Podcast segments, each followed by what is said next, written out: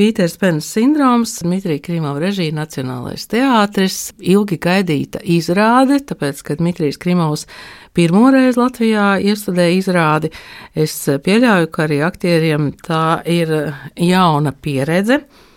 Un um, viens no svarīgajiem cilvēkiem, vai svarīgākajiem cilvēkiem izrādē, kur um, Pīters Pens ir um, Egons Dombrovskis, ir Feidita Lūriņa.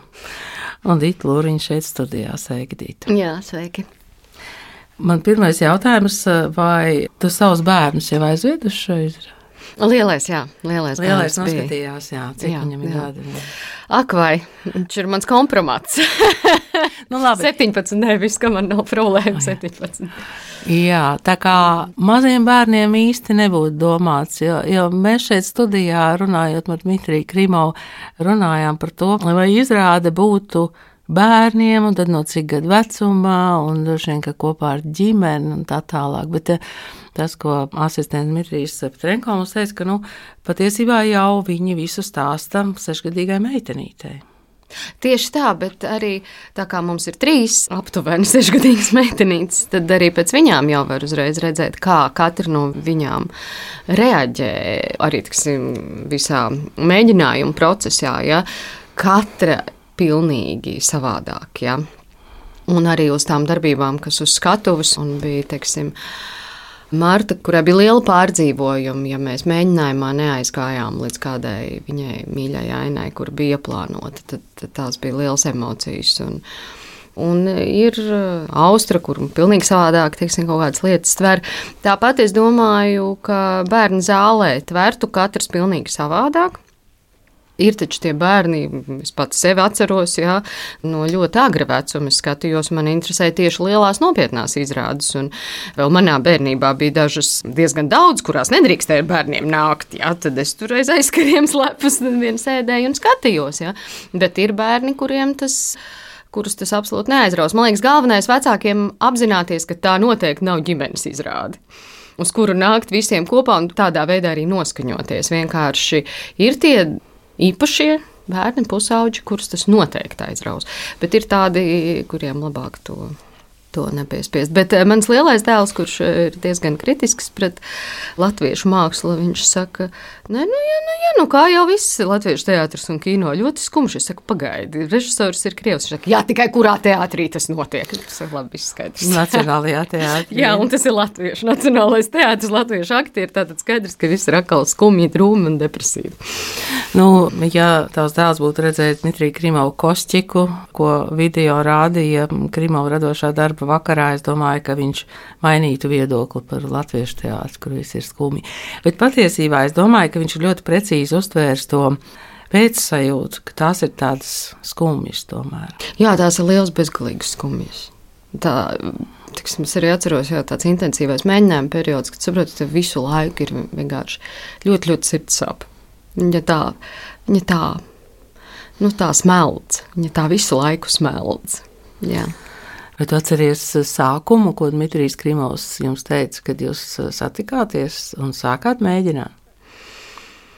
Mm, tieši varbūt tos pirmos vārdus nē, bet vispār es diezgan spilgti vēl, vēl visu atceros. Un, un, protams, raugoties uz Dmitriju Krimovu, tur ir jāņem vērā tas, ka viņš ir autors šī vārda vislielākajā un pilnīgākajā nozīmē.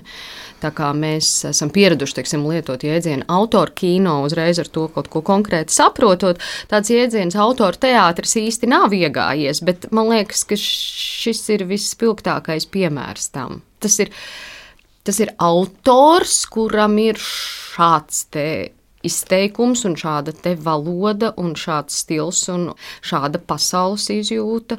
Un uh, ir vienkārši jau izējoši jārespektē tas, kā liels tāds autordarbs. Un tas tomēr mēs varam neieslīgt detaļās un diskusijās. Tas tomēr atšķirās no teātra savā vislielākajā tādā klāstā. Un par to man arī bija jādomā, un mēs teiksim, ar choreogrāfu par to arī runājām, ka ļoti grūti kādam citam autoram un māksliniekam tur kaut ko pienest klāt. Jo kāds cits var būt brīnišķīgs un talantīgs un ģeniāls, bet tas nav viņa autora darbs. Šeit ir cita autora autora darbs. Un tad ir ļoti grūti kaut ko pienest. Mana laime tajā, ka ko es tā, tie ir mani novērojami, kas režisoru iedvesmoja un no kā viņš kā katru dienu varēja baroties. Tas ir, ja aktieris ir viņa pasaulē jau iekšā un pieņēma šo spēles noteikumus, tīra aktieriska improvizācija dotajos, viņa dotajos apstākļos ir tas savukārt, ko viņš sagaida, ko viņš vienmēr, nu, kā, jā, varēja redzēt, ka tas viņam arī to viņa dienu krāšņo, un tas viņam kā, jā, der.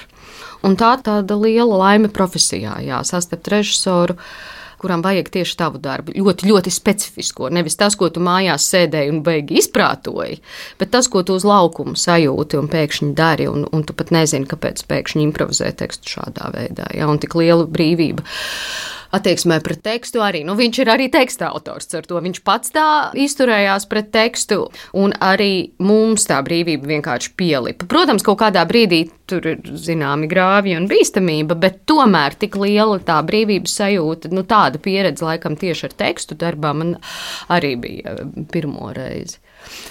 Jā, es domāju, ka radošas brīvības jautājums ir ļoti būtisks pašam Dmitrijam Krimovam, zinot, ka viņš aizbrauca no Maskavas, viņa izrādes noņēma no repertuāra, divas izrādes vēl tiek rādītas Maskavā, bet tām ir noņemta autorība, ir noņemts viņa vārds, un viņš pats ar sievu aizbraucu uz Ņujorku. Un, jā, šis jautājums par brīvību ir ļoti būtisks.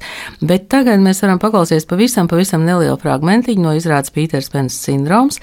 Mm, mana ziņa kolēģi Ieva Puķa bija klāt eh, mēģinājumā, un tad jau turpināsim.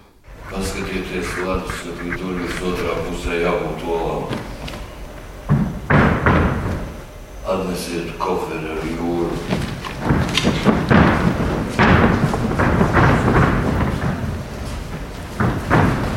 Atveriet, taisiet jūru.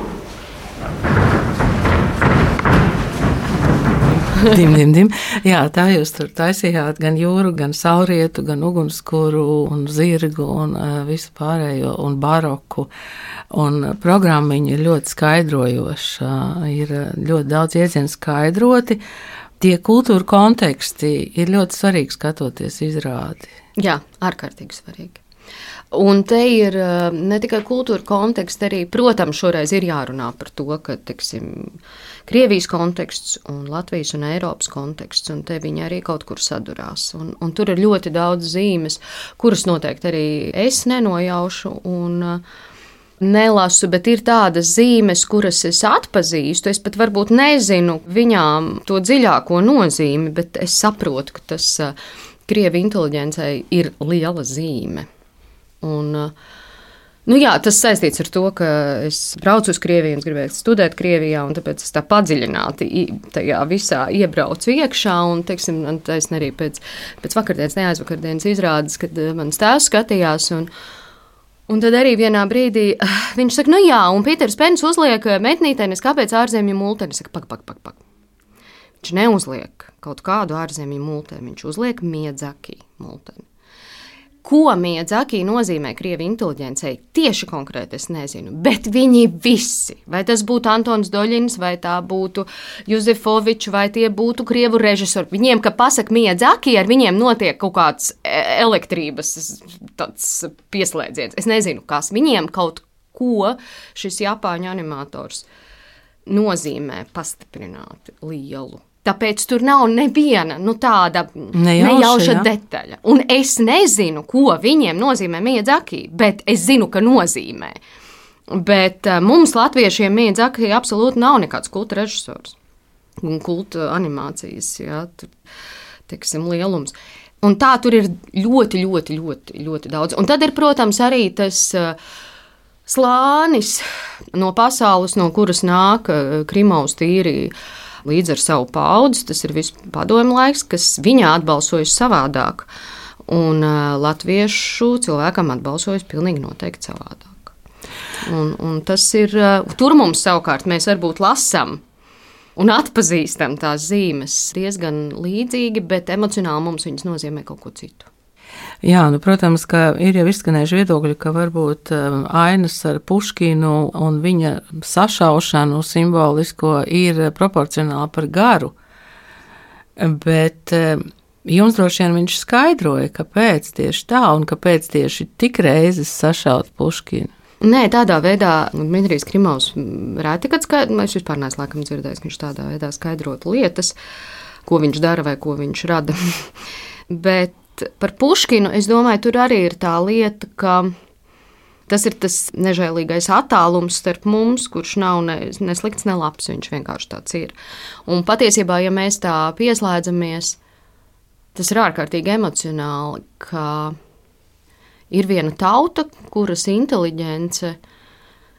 Ah, ak, Dievs, cik daudz gadu pēc dzinieka nāves joprojām raud par to, ka viņu tur pie tās melnupītes nošāva. Viņi reāli, nevis teorētiski, mums bija tāds lielums, un tā, bet viņiem reāli sāpit, kā viņš būtu vakar tur nošauts. Nu, ne visiem, protams, bet, teiksim, Krimovam tā ir nedzīstoša rēta. Viņš joprojām par to raud ar, ar karstām asarām. Nu, mums Puškins ir. Nu, Puškins.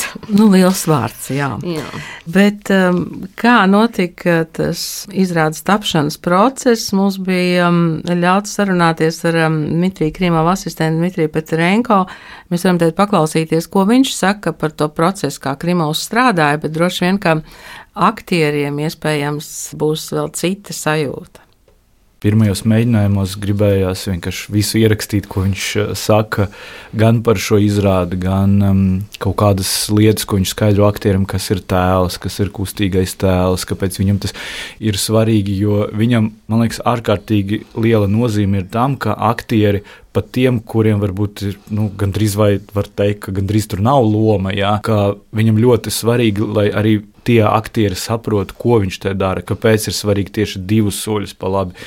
Un viņš ļoti bieži atkārto mēģinājumos, ka, piedodiet, šī, es nesmu kaprīzes tajā, ko es tagad prasu. Vienkārši tā būs labāk, tāpēc kā, un viņš skaidro vienmēr.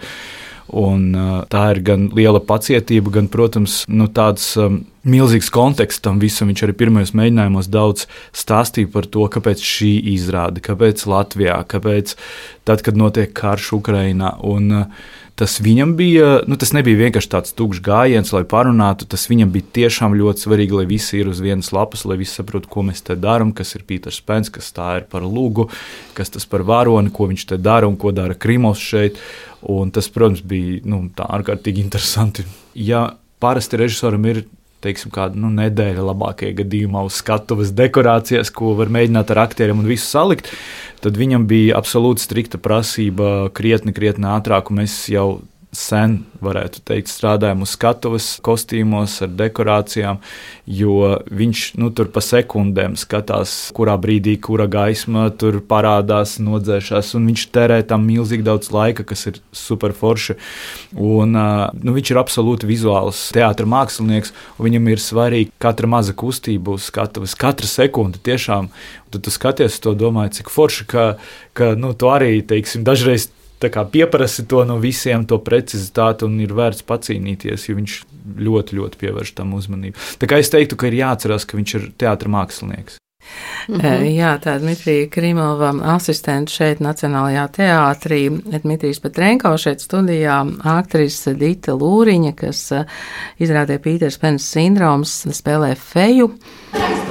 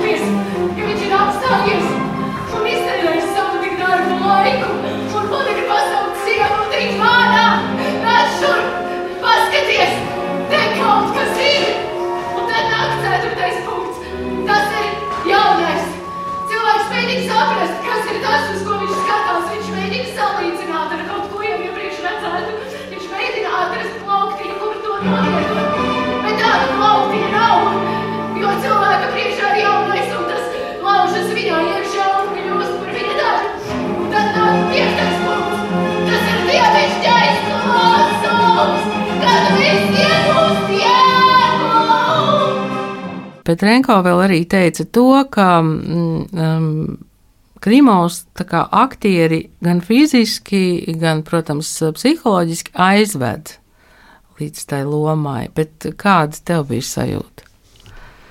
Es domāju, ka jā, jā, ļoti arī savā tādā īpašā saudabīgā veidā aizved, un tu varbūt pats pat nepamanīji. nu, tādā nozīmē, ka es zinu, ka kolēģi man ir pirms pirmsrādes jautāja, bet vai viņš kaut kā īpaši vēl atsevišķi ar jums ar egonu strādā, jo tas notiek tā kā tik nemanāmi tanī pat laikā, ka, jā, jo arī, piemēram, skatoties Kostčiku Splendid Palace ierakstā, man arī bija jautājums, ak, Dievs, nu, kā zinot aptuveni, kā režisors strādā mēģinājumos, kā jūs kaut ko tādu uzradījāt? Nu, kā tas aptver, vai ir kaut kas, ko es tā tad joprojām nesaprotu? Ja? Pēc pirmizrādes, tagad domājot, es domāju, ka tas notiek tik jā, nemanāmi, ka aktieris nemaz nevar kaut kā to saprast. Bet vispār par Krimovu piekrītot uh, Petrenko, kad jāatcerās, ka viņš ir mākslinieks, vēl es teiktu, ka vismaz es to tā ieraudzīju un sajūtu, jāatcerās, ka viņš ir um, mākslinieks, tāds, kā lai pasaka, taustāms. Nu, tādā ziņā viņš, piemēram, scenogrāfs, taču pēc savas izglītības viņam arī mēģinājumos, viņam nedara abstrakti, nu, piemēram, nu, tagad šitas kociņš būs lietussargs. Viņam vajag lietus sargu, vai pat, ja mēs tagad šito dēli spēlējam, ka tās ir tās leduskapja durvis, kuras pēc tam būs reāls, tad uh, režisors ar apturēt mēģinājumu uz diezgan ilgu laiku, lai ar līmlenti un dažādām citādām visādām jocīgām lietām uzburtu to sajūtu, ka tās ir leduskapja durvis. Tur pielīmētu ar līmlenti visādas tūbiņas, burciņas, kas pēc tam būs majonēs vai kaut kas, kas tanī brīdī kā racionāli raugoties, to ainu, kur mums jānospēlē, it kā nekā neizmaina. Tāpat laikā nu, izmaina būtisku. Viņam vajag ieraudzīt, ka tās būs leduskapja durvis, un viņš var tam veltīt diezgan daudz laika. Un to es tā visās vismazākajās detaļās, nu, kad ja rīsi vai zirņi vai kas, tad mums viņus vajag principā tagad, uzreiz, un viņiem jābūt un, un jābūt katru reizi, jo tā teorētiski un varbūt iezīmēt nevar. Vajag, lai, nu, arī tāpat kā teātrī izrādē ir daudz daudz slapja, netīra un taustāma un lidojoša un vēl visāda.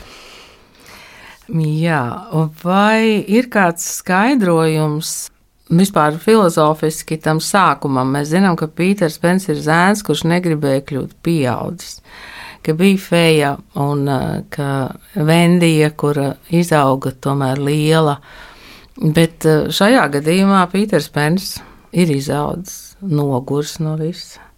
Man ir tāds sajūta, ka Feja arī ir mazliet nogurusi no Pītera Pena. Vai tā nebija pareizā sajūta? Pirmkārt, es domāju, ka Pīters Pens nav izaudzis iekšienē. Viņš tieši arī nav izaudzis. Tas, ka noguris, tas jā, pie tam ļoti, ļoti noguris. Un Fejai arī dzīve nav stāvējusi uz vietas. Bet tieši no Pītera Pena viņa jā, nemaz nav nogurusi savā misijā. Viņa ir joprojām tikpat asa un ātra, kā arī tad, kad viņa bija tāda knapi manāma uz vārgulīti. Hmm. Jā, tur eh, tās um, ainas vai tās uh, ļoti vizuālās lietas, ko jūs izspēlējat, mēs jau dzirdējām, atnesiet olas no leduskapja un patiesībā olas būs sauriets un uh, un tā tālāk, un tā joprojām. Un baroks tur patiks uzbūvēts um, uz vietas ļoti daudz, daudz vizuālu lietu, un tās visas ir butaforijas. Tur ir teksts par butaforijām, ka tā visa ir butaforija. Un, un... Mm. Jā, es nezinu, te jau tīri man, nu tā ir mana, mana interpretācija būtībā jo varbūt tās butaforijas manī netrāpa tik sāpīgā punktā, kā varbūt kādam citam, kāds runās tieši par butaforijām. Man visvairāk, piemēram, trāpa tas, ka tas mākslas spēks, ka tev ir vienkārši labs palaks, krāsas un otrs. Un tā kļūst par uh, jūras cēlumu tev acu priekšā, un tu vienkārši raudi no tā, ka tas ir tikai slapjš palaks. Bet, uh, bet tā ir jūras cēluma, no kuras var izvilkt kliemšu vāku īstu. Nu, man liekas, man par to vairāk ir stāsts. Ka tev var būt pēdējā butaforija jautājums, ko tu ar viņu dari. Tu vari radīt to brīnumu. Protams, ka Pīters Pence var kādā brīdī no, nogurt, eh, skarbi runājot visus dzīves mēslus, pārvēršot par mākslu un brīnumu. Tur tas nogurums. Jo droši vien butaforija ir līdz brīdim, kad tu iedves tur dzīvību vai radi no tā brīnumu. Un, ja tu sajūties viens tajā radīšanā, un vispārējie tikai taisa izgāstu, tad, tad ir tā kā Pīteram Penams, es nogurs, es gribu iet mājās. Jā, saslēdzoties Kostikam uz video ekrāna sarunai, kas notika uz Splendid Palace skatos, un, um, un jūsu izrādē bija tāda sajūta, ka tur tas galvenais jautājums sarunā bija par to, vai radīt mākslu šādos apstākļos, kad pasaulē ir karš un tā tālāk un tā joprojām, vai radīt mākslu vispār ir kāda jēga. Un uh, Dmitrijs Krimovs atbildēja, ka viņš katru rītu mostās ar šo jautājumu, un tad, tad lēnām mēģina sevi pārliecināt, ka mākslā ir jēga ar to vien, ka māksla pastāv un tā ir pretošanās. Vai tas jautājums, vai mākslā ir jēga, bija svarīgs arī jums veidojot izrādi? Es domāju, ka jā, un, un māksliniekam šis jautājums ir vienmēr blakus stāvošs. Vienalga, vai tie būtu tik ekstrēmi apstākļi, kādos mēs visi šobrīd kopā esam, vai tā būtu vienkārši rimti pēdusi ikdiena, kad nav tik lieli notikumi mums tepat blakus. Ja? Šis jautājums ir tik un tā, vai tev māksla var izglābt no pārāk labas paēšanas. Arī. Un karotes aiz debesjumā, ja? vai savukārt ļoti, ļoti traģiskā brīdī, ja? un ko tev māksla. Ja? Es saprotu, ka tas droši vien ir eh, neiespējami sadalīties kā aktrisei un kā režisorei, jo tu, Dita, esi strādājusi kā režisore, un man šķiet, ka tas lielais brīnums bija Ferdinands un Luīze, kad varēja skatīties un domāt, nu, kā tas vispār ir iespējams. Tad eh, man ir jautājums, vai, vai tu kā eh, režisore Dita Lūriņa arī mācījies tajā procesā? Es mācījos, bet pavisam kaut ko citu un tīri tādu cilvēcisku. Mm. Nu jā, kā cilvēks es mācījos. Kā cilvēks, kurš kādā brīdī, varbūt vienā vai otrā profesijā, jā, uzskatu uz vai veidojot izrādi, un es mācījos tieši to respektēt sevi kā mākslinieku ļoti. Un, ja tu esi noguris, tad tu tā arī pasaki un mēs tālāk nemēģināsim, pēc ka es esmu noguris, un jūs esat noguruši, mēs turpināsim, man nepatiks, un mēs kaut ko sečakarēsim. Pēc neskatoties uz to, cik rāda laikrādis, mēs šodien beigsim, jo tik cik mēs šodien varējām, mēs esam izdarījuši. Vai savukārt, tad, ja tev kaut ko vajag, tad tev to vajag. Tā, protams, ir liela priekšrocība, ka Krimaus ir ar Krimaus ir jau Krimaus. Un man vispār radās tāds formulējums, viņam ir šī priekšrocība būt adekvātam. Adekvātam pret doto situāciju, pret sevi, pret darbu. Viņam nav nu, pārāk jāpierāda, ka viņš nav zilonis. Ja. viņš ir mākslinieks. Normāli mēs, protams, ļoti bieži sastopamies savā ikdienā ar to, ka tev ir jāpierāda, ka tu neesi zilonis, ka tavs prasības ir nevis kaprīzes, bet ka to vajag tam mākslas rezultātam kuru arī neviens nevar garantēt. Tā mūžīgā lieta, jā, tu jau nevari garantēt, bet tu vismaz it kā uz to tiecies. Jā, ārkārtīgi lielais miers, kas viņā ir. Un tomēr tā pašcieņa, to es arī noskatījos interviju, kas filmēta tieši mūsu teātrī mēģinājuma laikā, kur viņam arī jautā par klaipēdas izrādi, par fragmentus. Un intervētāja žurnālists saka, nu jā, nu tas skaidrs, ka jūs tur sākāt no tā punkta, un pēc tam droši vien kopīgas improvizācijas rezultātā. Un Krimovs tādā savā mierā viņš saka, nē, nē, nevis kopīgas improvizācijas, es visu biju izdomājis. Un tas ir par viņu. Jo viņi izrādes brīžām rada to sajūtu, nu, gan viņi tur kopā ir dzīvojuši un saimprovizējušies. Nē, viņš visu ir izdomājis līdz pēdējai detaļai. Viņš visu ir izdomājis. Pēc tam, kā viņš dabūna to brīvību tajos aktieros un visā darbībā, ka liekas, ka tas rodas ne no kā tāda iedvesmas brīdī ņēma un radās. Ja? Bet šis te miers tajā, un tā nav ne augstprātīgi, nekas, vienkārši atzīt, jo tas ir tā.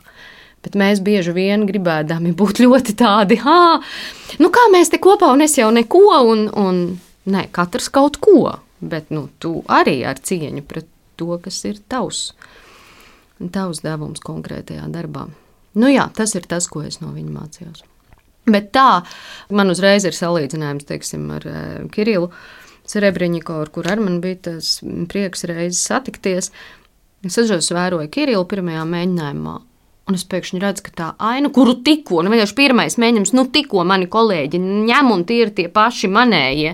Un viņi spēlē kā Kirila aktieri. Viņi, tā ir Kirila izrāde. Tur top jau Kirila izrāde. Un tu nesaproti, kā tas notiek, jo viņš neko tādu nepateica. Viņš neko tādu neizdarīja. Un ar, ar Krīmu man šī tieši aspektā ļoti, ļoti līdzīga sajūta. Tu nesaproti, kā, bet viss jau sāk izskatīties pēc krimināla izrādes. Tu nezini, kā. Nezini, kā tas notiek. Tas ir tas, ir tas nu, citējot Emīlēju Šekspīru, it's a mystery.